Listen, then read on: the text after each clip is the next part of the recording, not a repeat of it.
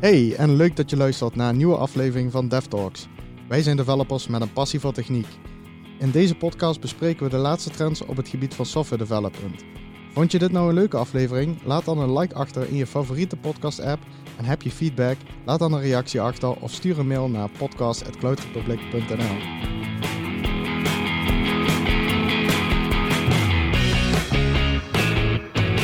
Hallo en welkom bij aflevering 11, waar we het gaan hebben over eh, Microsoft Build, de recap eh, daarvan. Ik eh, ben online met Florian. Hallo. En voor de rest niemand, Florian. We gaan het vandaag even met z'n tweeën doen. Jazeker. Heb jij, Maar we hebben genoeg om over te praten, dus...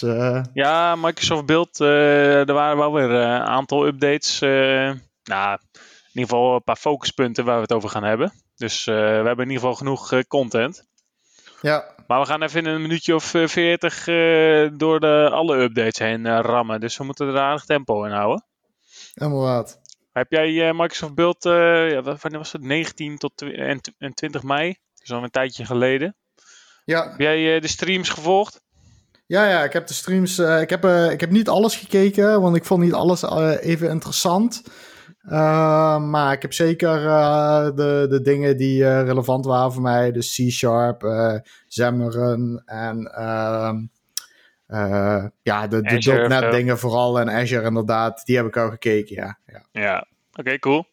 Hey, ehm, maar we gaan het eerst natuurlijk even de highlights doen. Ja. We hebben altijd even een highlight van wat er in de afgelopen tijd voor interessante techniek voorbij is gekomen. En Yes. wat is jouw highlight? Ehm, nou, mijn highlight deze week is eh, Open API Generator.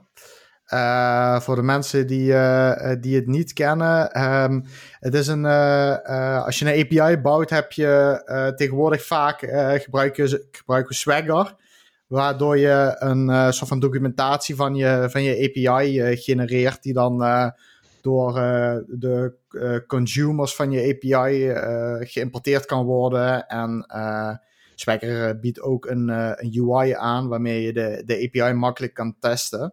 Ja. En eh, in, in de huidige applicatie waar wij aan werken, daar gebruiken wij eigenlijk eh, heel veel Azure Functions. En die genereren eigenlijk allemaal een eigen Swagger documentatie. Oh, is dat tegenwoordig al standaard? Want ik weet dat ik daar een half jaar geleden best wel pain in the ass. Ja, klopt. Ja, ja ik, ja. ik heb toen datzelfde programmaatje als jou, of eh, diezelfde zelfde library als jou gebruikt. En, eh, maar tegenwoordig eh, heeft Swagger ook een, een echte package, een officiële package daarvoor. Ah, cool.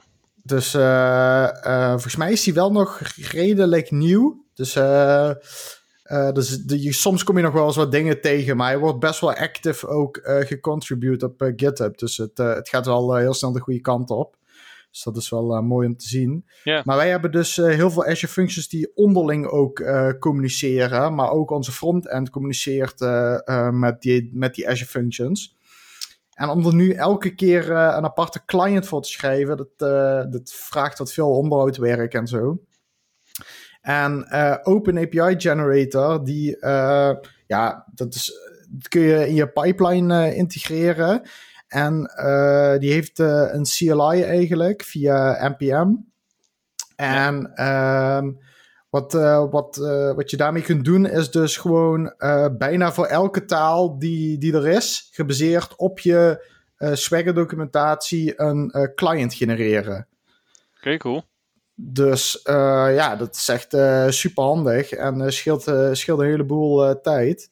Welke talen gebruiken jullie dan? Front wij gebruiken- Ja, wij, wij, eh, onze frontend is geschreven in Angular. Oh eh, met TypeScript. Dus wij, voor de frontend genereren wij voor elke Azure Function een, eh, een TypeScript client. Die doen we daarna naar een, een, een lokale NPM eh, ehm, source repository pushen. Ja? En eh, voor eh, onderlinge communicatie tussen de services eh, hebben we gewoon een, een private NuGet stream. Oh ja. En ja, daar worden, worden die dus allemaal in gepusht.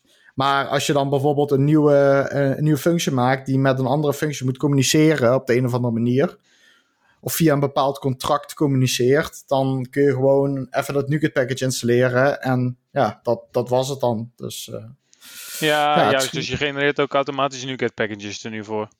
Ja, ja, precies. Ja. Ja, dus in onze pipeline, uh, zodra de, uh, uh, de, de function gebuild wordt en getest wordt, hmm. is een van de stappen daarin dus genereer twee clients, een TypeScript en een C-sharp client, zodat andere applicaties ermee kunnen communiceren. Ja. Oké, cool. Cool. Ja, ja, zeker. Ja. Ik weet nog wel vroeger dat uh, in Visual Studio zat zo'n REST uh, client uh, generator. Die was wel, ja. dat was wel echt een, een rukding, om het zo te zeggen. maar deze is wel beter, toch? Of niet? Ja, deze die, die is sowieso open source. en die wordt ook door heel veel grote users gebruikt. Zalando is er eentje van, bijvoorbeeld. maar maar ook Docker zelf, Datadog bijvoorbeeld. Ik weet niet of je die kent. Nee, dat ken ik. Oh, ja, ja, zeg maar wel wat, maar ik ken ze niet echt.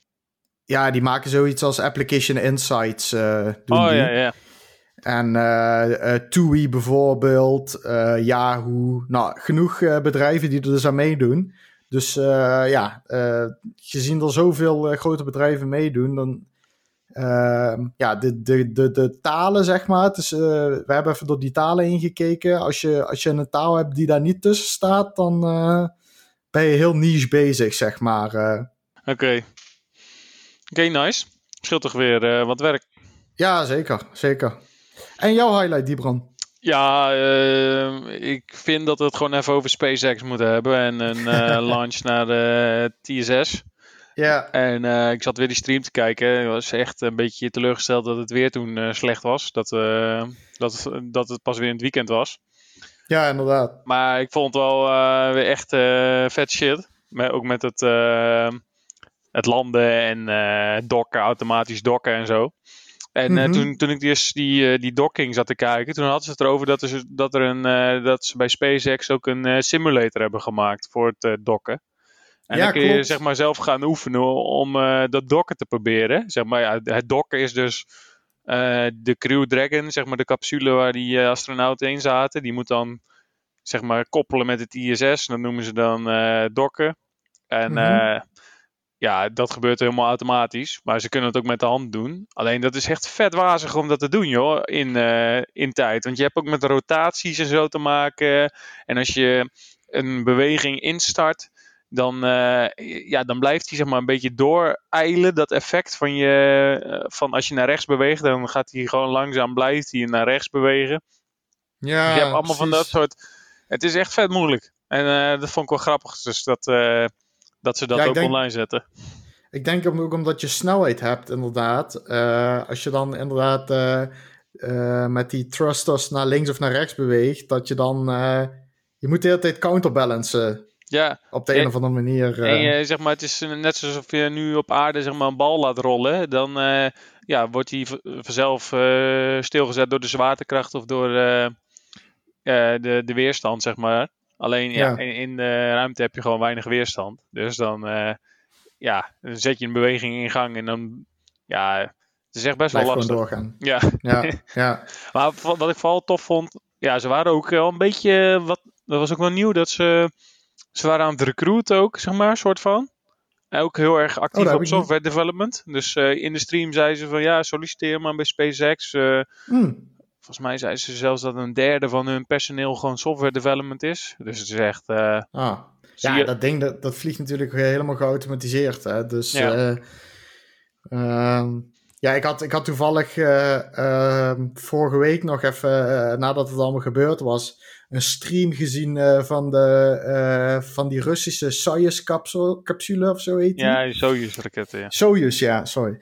Um, en uh, nou, wat een verschil qua hoe dat ding eruit ziet, ook van binnen, hè? Ja, maar dat is jaren 60, 70 technology volgens mij. Dus ja, maar ze vliegen er nog steeds mee, dus... ja. Ja. Het is wel even een verschil tussen hoe je daar ook qua ruimte zit en hoe je nu in zo'n Dragon capsule zit. Ja, dat klopt. Het is echt wel veel comfortabeler en veel groter en veel mooier. Ja.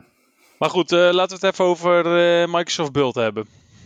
Ja, Wat jouw, jouw eerste impressie van Bult? Heb je, je hebt al vorige jaren ook gekeken, denk ik. Ja, ja. Nou, ik, vond het ik vond het deze keer wel een, een beetje een raar verhaal. We zitten nou natuurlijk met, met de corona. En normaal is Microsoft als zoiets als Bult gebeurt is het echt, maken ze er een heel groot ding van. Uh, en gaan ze helemaal van, ja, en every developer can do everything with, with our tools. En yeah. ja, wordt het helemaal gepromoot. En deze keer was het wat minder. Ik had ook het idee dat ze hadden zo'n keynote, maar dat was eigenlijk een beetje, ja, ik vond het een beetje een, een, een, een salespraatje Microsoft de keynote. Dat was gewoon uh, hoe, uh, hoe goed je bent als je met Microsoft uh, aan de slag gaat. Ja. En ja, voor de rest vond ik het eigenlijk wel meevallen. Heel veel van de talks die waren zeg maar ingekort. Dus ehm, normaal was die talk iets van 120 minuten en nu was het 20 minuten. En dan kon je de langere versie kon je zeg maar online zien. Ja, dus, ja, ook wel veel pre-recorded uh, stuff. Ja, dus ja precies. Wel, ja, merkt het ook wel een beetje. Ja, ze hebben natuurlijk uh, keihard moeten werken om het allemaal uh, rond te krijgen. Ja, dat snap ik wel. Maar ja, ik had ook zo... Ja, normaal is het wel... Ik ben ook een paar keer geweest en dit, dit was wel echt heel anders. Ja. Maar op zich, ehm, qua content, wat vond, je, wat vond je daarvan? Uh, ja, op zich uh, kwamen er wel wat leuke dingen voorbij. We zullen dadelijk even wat dieper erop ingaan natuurlijk. Maar uh, ik denk dat het wel eh, wat leuke aankondigingen waren. vooral als, je, als je met Azure op het moment bezig bent of .NET, dan ja, kun je wel wat leuke dingen uitproberen. Ja, maar niet superveel nieuw, nieuwe dingen. Echt wel, dat zien we eigenlijk de laatste jaren steeds vaker. Dat ze gewoon ja, ze, ze, ze publiceren al, ehm, zeg maar, gewoon van tevoren eigenlijk al projecten waar ze mee bezig zijn. En uh, het zijn niet meer de wow-momenten van dat ze iets nieuws uh, van de kast uh, halen. Nee, want ook C-Sharp 9, als je een beetje op GitHub het allemaal gevolgd had, dan wist je eigenlijk al alles wat, wat er aangekondigd werd. ja. Natuurlijk. Maar goed, het is wel een eh, moment, uh, ook voor mezelf, dat ik even weer even helemaal bij ben. Met de nieuwste shit. Uh, en dat vind ik, dat is wel fijn dat, je af en toe zo'n moment hebt. Dat je er ook even tijd voor kan nemen. Ja, zeker. Hey, maar als we even, even een paar onderwerpen. .NET. Dus, dus natuurlijk gebeurt er best wel veel op .NET. we wisten al dat .NET 5 eraan kwam. We hebben mhm. natuurlijk nu wat de .NET Framework tot aan met 4.7, volgens mij. 4.8 uh, eh, zetten we nu op. Ja, ja 4.8. En toen kwam uh, .NET Core om de hoekje. Dan zitten ze nu op uh, eh, 3.2 of 3.3 al. Weet, weet, dat weet ik ook niet precies. En toen zeiden ze van, ja, we gaan .NET 5 maken. Omdat ze .NET Core 5 eigenlijk, ja, dat heet dan nu weer .NET 5. Ja. Het is een beetje verwarrend misschien voor de mensen. Maar dat is dus de nieuwe Unified .NET voor cross-platform everywhere. Ja, ja. Wat zijn jouw dus, eerste gedachten daarbij? Ja, ik denk dat het wel de, de, de, uh, een logische stap is. Want we hadden natuurlijk, uh, zoals je zei voorheen, uh, framework, wat heel erg gebonden was aan Windows. En daardoor ook heel oud was eigenlijk in zijn core. Omdat, ja, als je iets verandert, half Windows draait zeg maar op .NET Framework. Dus je kon daar niet echt uh, hele grote rewrites in, uh, in doorvoeren. Uh, toen kwam .NET Core inderdaad. En dat was heel wel helemaal van de, van de grond af aan herschreven. En ja, gezien dat zo snel aan populariteit won. Ja. Um, ja, dan denk ik dat, uh, en aangezien ze nou eh, aangekondigd hebben dat .NET Framework niet meer gesupport wordt over een aantal jaar, en dus ook verdwijnt op een gegeven moment, denk ik dat, er, dat het wel een logische stap is om daarna weer terug te gaan naar, naar één .NET. Ja, en dat wordt dan .NET 5. Ja. Dus dan hebben we ook geen core meer en geen, geen framework. Dan is nee, het tot net 5 zometeen. En ja, best wel uh, opvallend. Uh, daarmee komt uh, ook support voor C-Sharp 9 en F-Sharp 5. Maar ja. um, dat, dat cross-platform, zeg maar, dat gedeelte, dat trekken ze wel tot het in het extreme door. Ze hebben nu ook, nou, nu mag jij vertellen hoe dat heet. Maui. Of ja, Maui inderdaad, ja. Maui? Ja. ja. Het is een beetje weer zo'n vage naam. Krijg zo meteen system.maui. ik, uh, ja. ik, ja. Wat vind je daarvan? Dus uh, de cross-platform ja. UI-laag. Ja. ja, ik heb daar een beetje uh, mixed gevoelens over altijd. Want je had natuurlijk eerst de UWP, waarmee ze probeerden, zeg maar, al voor, voor desktop dat een beetje te doen. Voor, um, voor de mhm. applicaties daar. Uh, en bij Xamarin had je natuurlijk uh, al uh, Xamarin Forms, waarmee je dus ook een shared UI kon maken, bijna tot 100% yeah. voor Android en, en iOS. alleen ja, ja, ik heb daar altijd mijn moeites mee, zeg maar, om daar dan ja, zeg maar, aan te wennen. Ja, die, kijk, .NET 5, dat dat uh, cross-platform draait en dat je, zeg maar, bewijs van je aanspeelt het net, uh, ja, dat kan nu ook al, maar zeg maar op uh, Linux, op Mac OS, op Tizen, weet ik voor wat, overal kan draaien. Kijk, dat, dat je server-side software of je, zeg maar, gewoon je, je applicaties, oké, prima. Maar je UI, zeg maar, dat ze altijd weer heen willen naar een cross-platform UI. Hmm. Ja, dat, ik zie dat ook nooit echt uh, glimmen.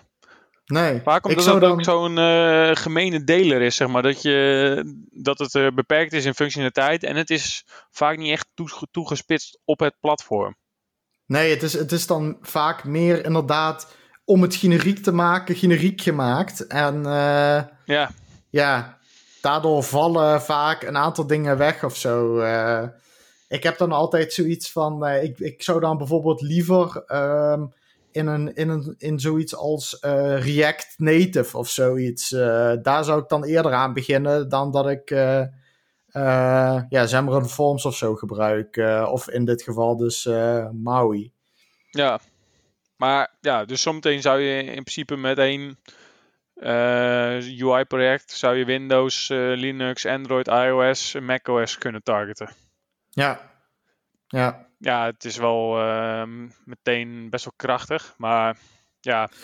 En zelfs ook web, hè. Ze, volgens mij uh, gaan, willen ze het ook met Blazor naar, naar het web gaan brengen. Ja, ik heb daar volgens mij wel, ja. Inderdaad, ja. Ja, ik heb daar sowieso altijd het idee dat in... Uh, ik, heb, ik moet eerlijk zeggen dat ik uh, met Xamarin Forms al een hele tijd niks meer gedaan heb. Dus wellicht werkt het wel echt super.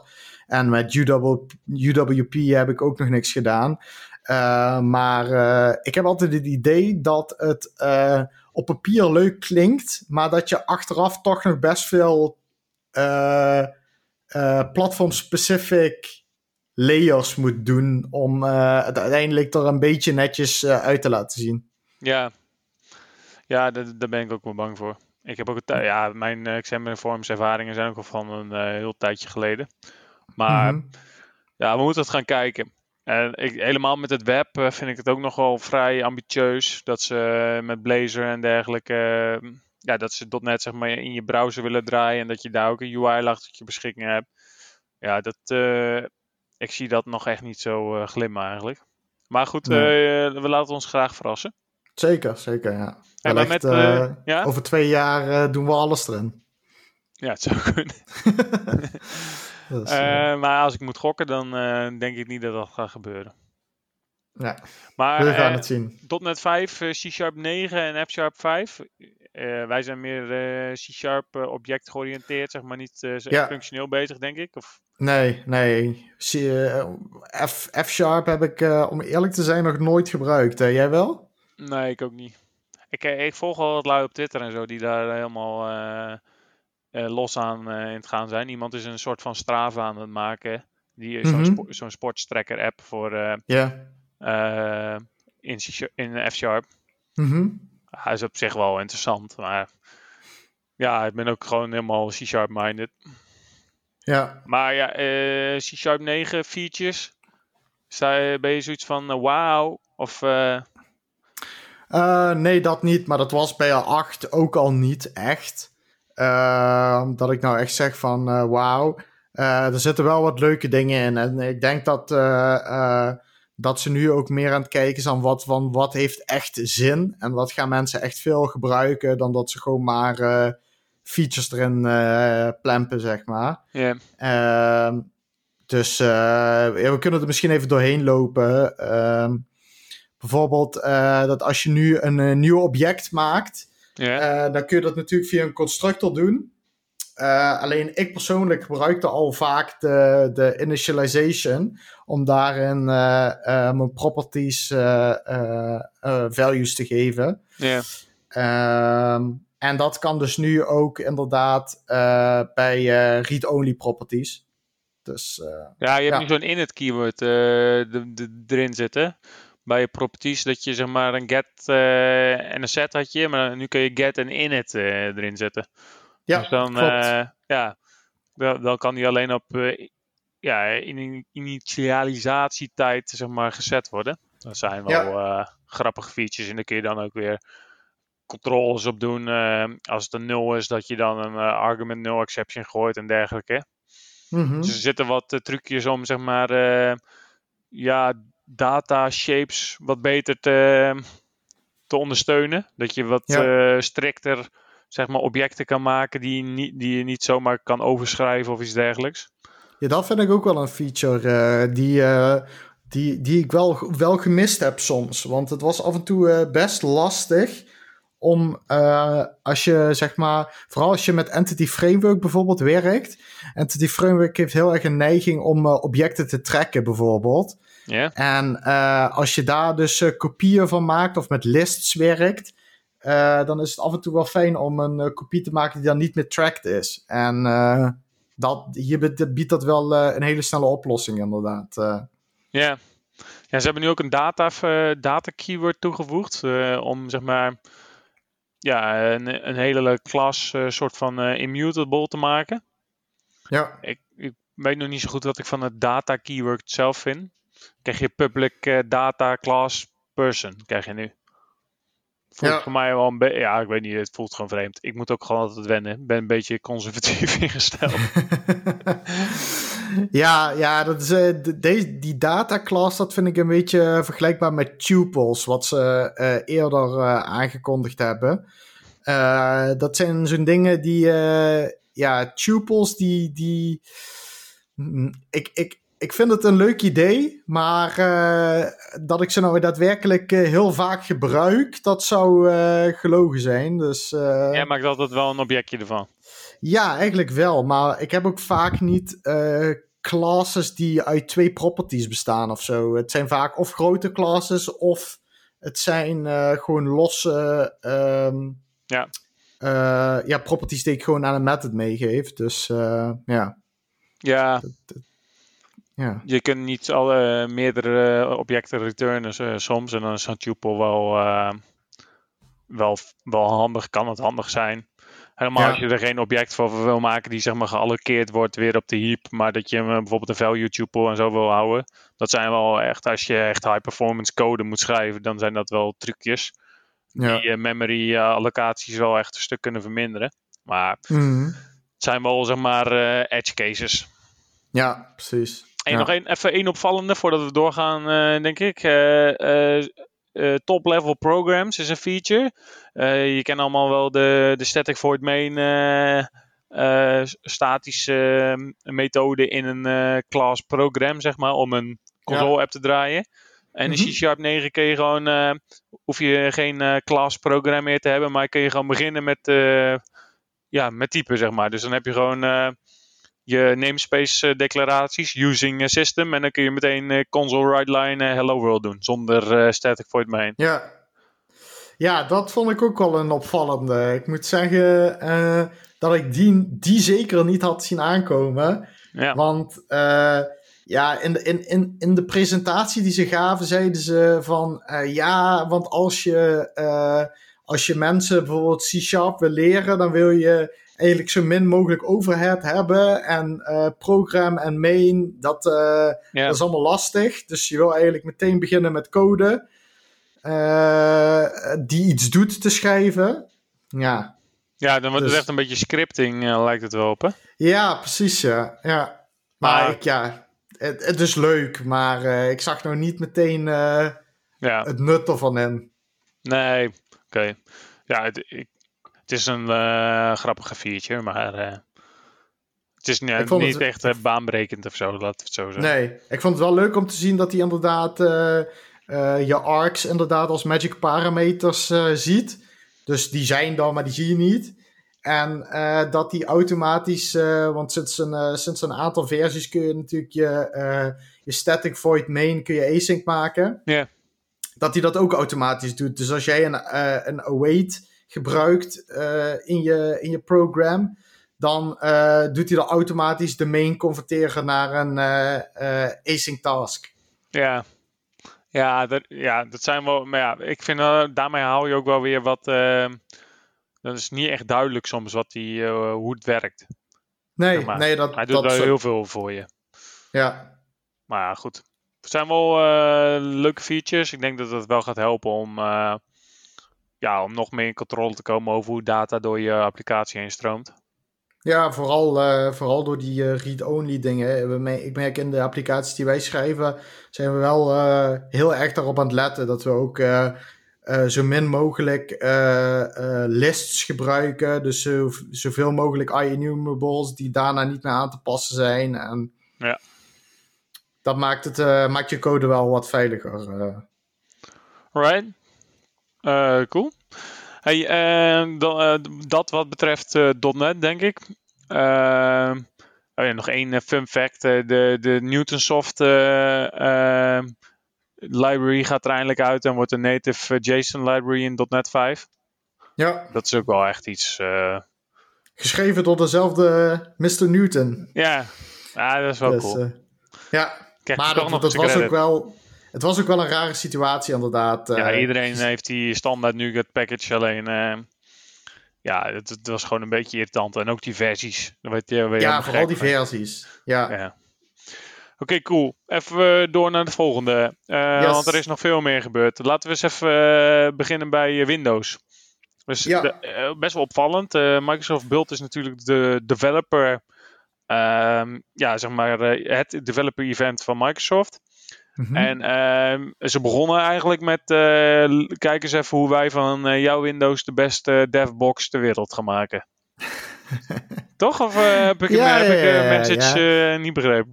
Nee, nee, ze hadden, ze hadden het er inderdaad over dat.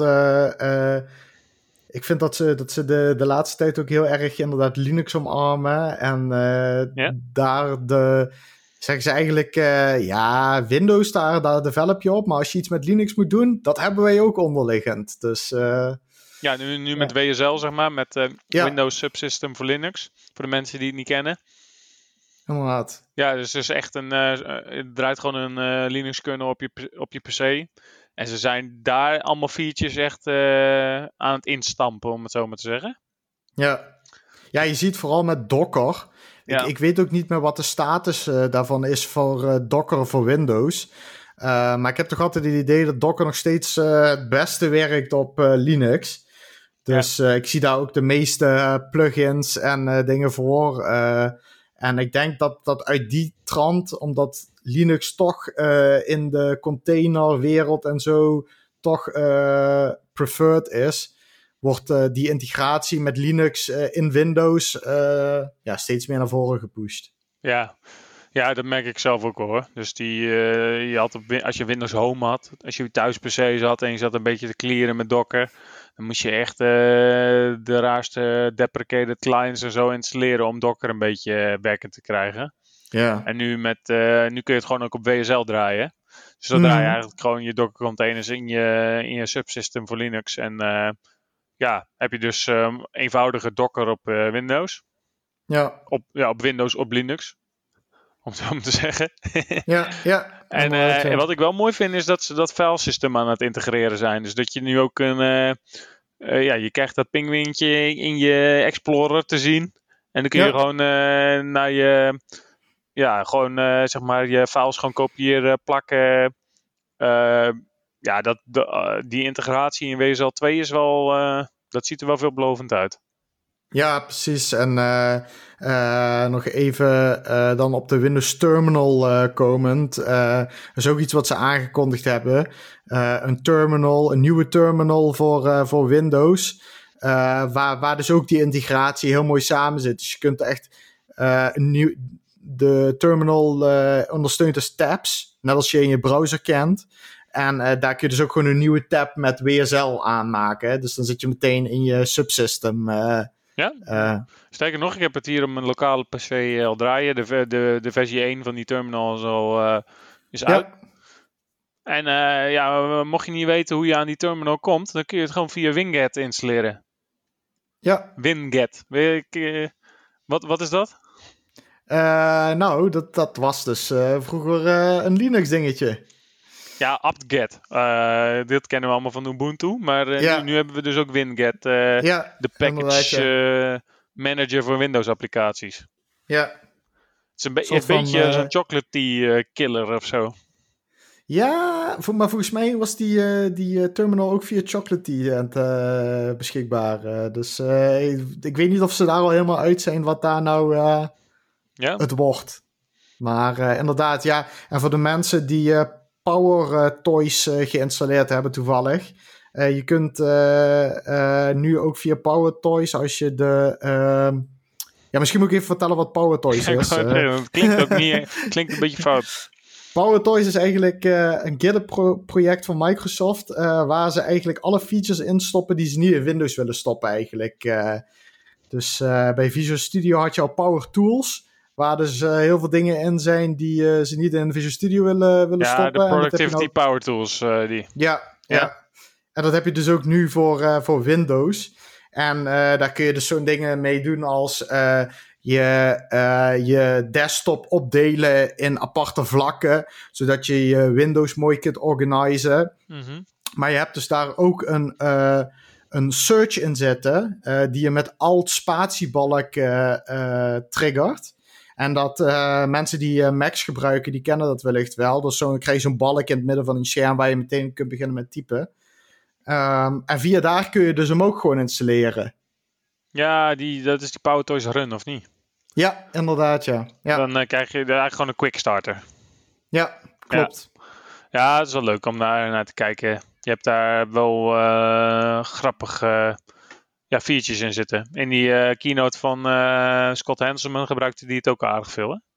Ja, ja, het is nou volgens mij pas op uh, eh, 0.8 of zo, of 0.18 of zo. Ja. Maar ik heb al gezien dat zoveel mensen dat geïnstalleerd hebben. Dus, ja. ja. Ja, dat is wel cool. Ja. Oké, maar Windows, dus, dus de grootste dingen die daar hebben plaatsgevonden is de WSL wordt daar echt hard aan gewerkt. Zorgen dat, die, uh, dat iedereen met Docker en met Linux zeg maar gewoon uh, op Windows kan werken. Die terminal, Winget, PowerToys, dat zijn uh, zaken die zeg maar echt... Ja, Winget is echt aangekondigd. Tenminste, ik, ik wist niet dat het bestond. Mm En ehm, ja, wat ik als, als laatste misschien nog over wil zeggen, die, dat ze nu ook bij WSL GPU support hebben. Dus GPU van ehm, dat je, ik heb als, uh, ken je Open, Open API Gym? Nee, wat is dat, precies? Dat, dat, is een project, uh, daar kun je, uh, daar kun je oude simulators gebruiken voor bijvoorbeeld uh, Pac-Man of andere spelletjes. En daar oh, okay. kun je dan zeg maar je, je AI tegen trainen. Heb ik wel eens geprobeerd om zeg maar een, een AI te maken die een Pac-Man level kan uitspelen. Oh, vet. En uh, ja, voorheen, uh, ja, al die AI-dingen, uh, die, die rennen natuurlijk op je GPU. Alleen mm -hmm. dan die Open API Gym, dat is echt alleen weer voor Linux gesupport, zeg maar. En dan dacht ik van, oh, dan draai ik hem in WSL. En dan ga je trainen tegen dat ding. Alleen dan ja, is het gewoon niet vooruit te trappen, omdat die WSL kan niet bij, bij je GPU. En nu kan het dus wel. Dus dat okay. zijn wel echt ja, dat, dat zijn echt wel mooie dingen die erbij komen. Dus jouw Linux-omgeving kan dan bij je GPU die je in je Windows hebt zitten.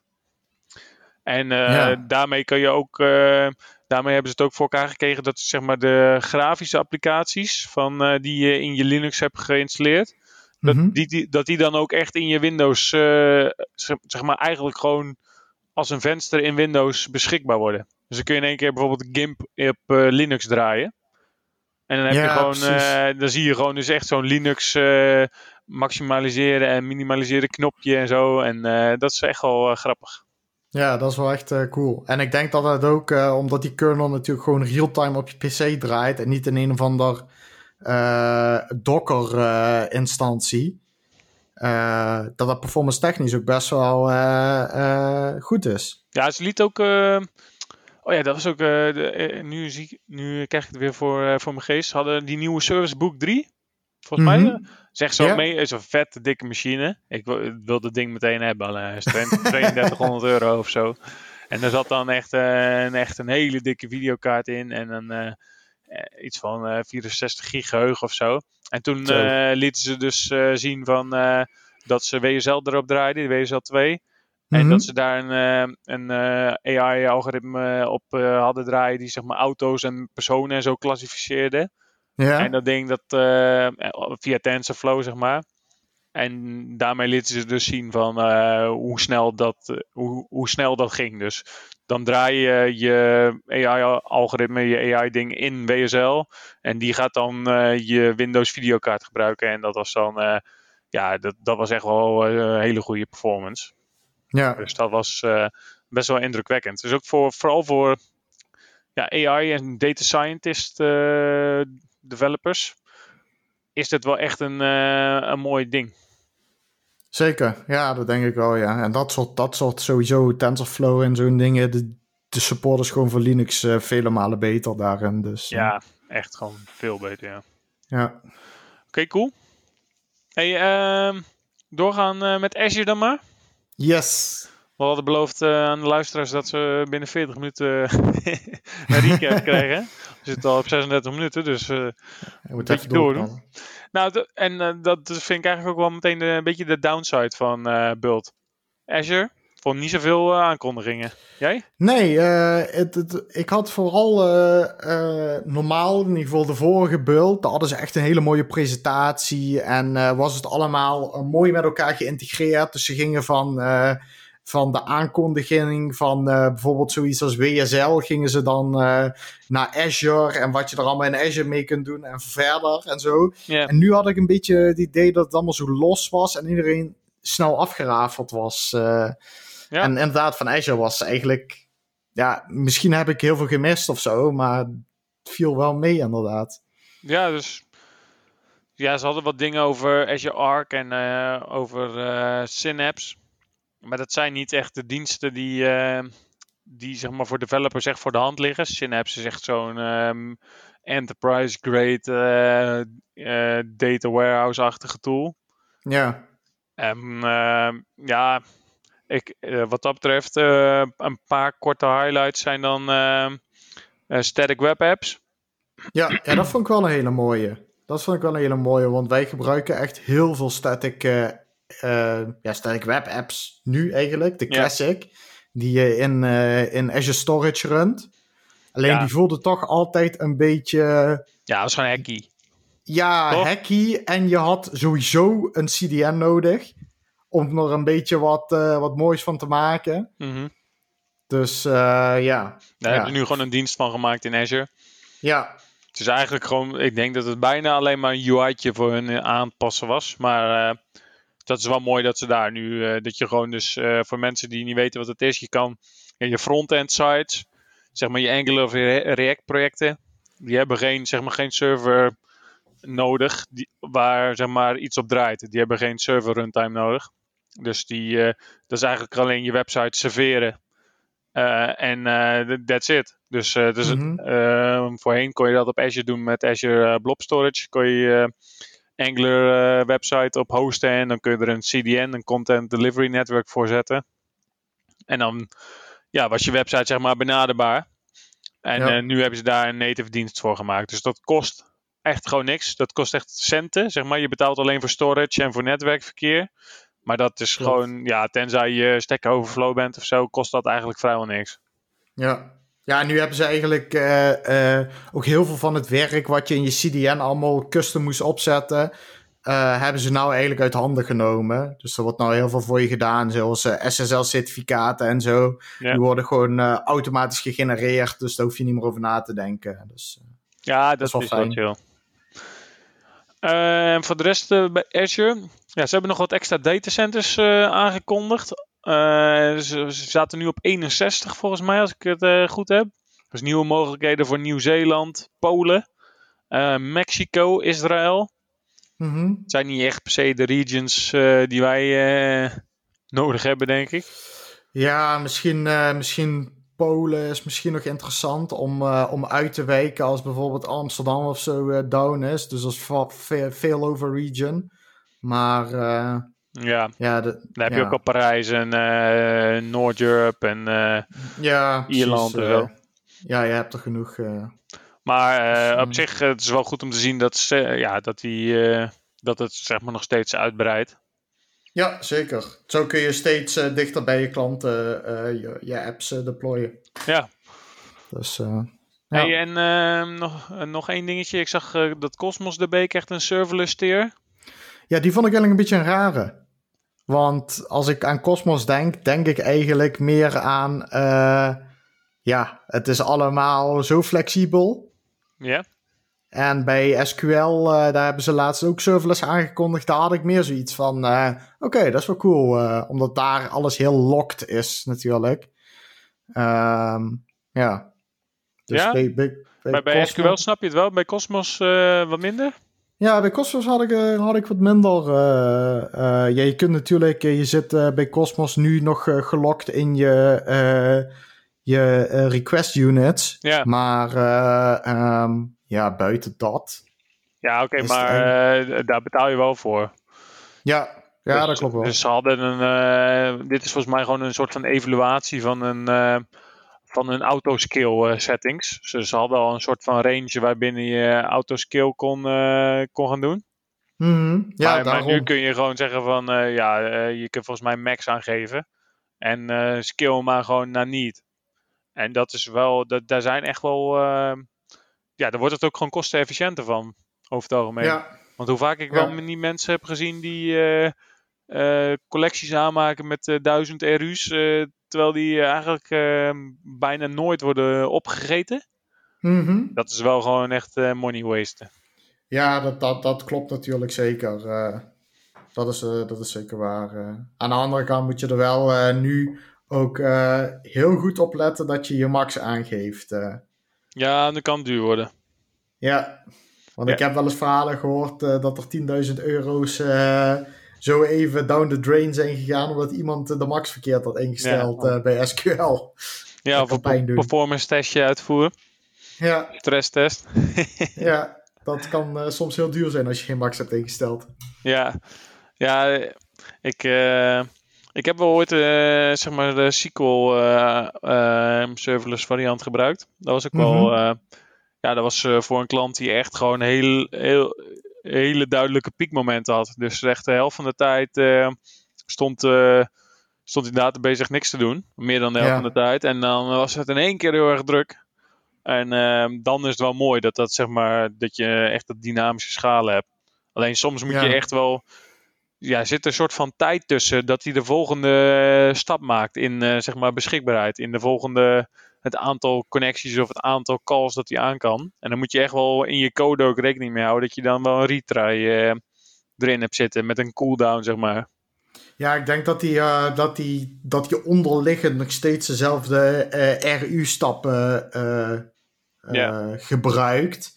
En dat hij gewoon op een gegeven moment inderdaad resources moet allocaten, die dan, ja, dat, dat zal even duren. Dus, Ja, ja, dus ik hoop dat ze dan met Cosmos uh, iets beter voor elkaar krijgen dan dat ze met SQL Azure hebben. Ja, met SQL lijkt me dat inderdaad uh, lastiger. Maar Cosmos is natuurlijk al op zo'n run everywhere ja. model gebaseerd. Dus ja, wellicht is dat daar performanter. Alright. Dan hebben we hem hiermee gedekt, denk ik, hè? De belangrijkste highlights van Microsoft Build 2020. Ja. ja, er is natuurlijk nog veel meer, maar we wilden het even in één podcast krijgen. Maar we zullen even uh, alle virtual conference video's zullen we even een link naar in de show notes zetten. Dan kun je die in alle rust nog even nakijken. Ja, misschien ook wel het Book of News. Dus Microsoft heeft een heel ja. een, ja, zeg maar, een hele website gemaakt. Dat, hebben, dat noemen ze Book of News van Microsoft Build. Daarin staan eigenlijk alle referenties en alle blogs en dergelijke van wat er allemaal gebeurd is. Zullen we ook even in de show notes zetten. Yes, doen we. Nou, bedankt in ieder geval voor het luisteren. Bedankt dat je er was, Florian. Ja, jij ook bedankt. Heb je nou feedback, heb je vragen over bepaalde features of wil je verdieping hebben? Stuur ons dan een e-mailtje naar podcast.cloudrepublic.nl Volg ons op Spotify en geef ons een rating op Apple Podcast. En dan zien we je de volgende keer. Tot ziens. Tot ziens, tot de volgende keer.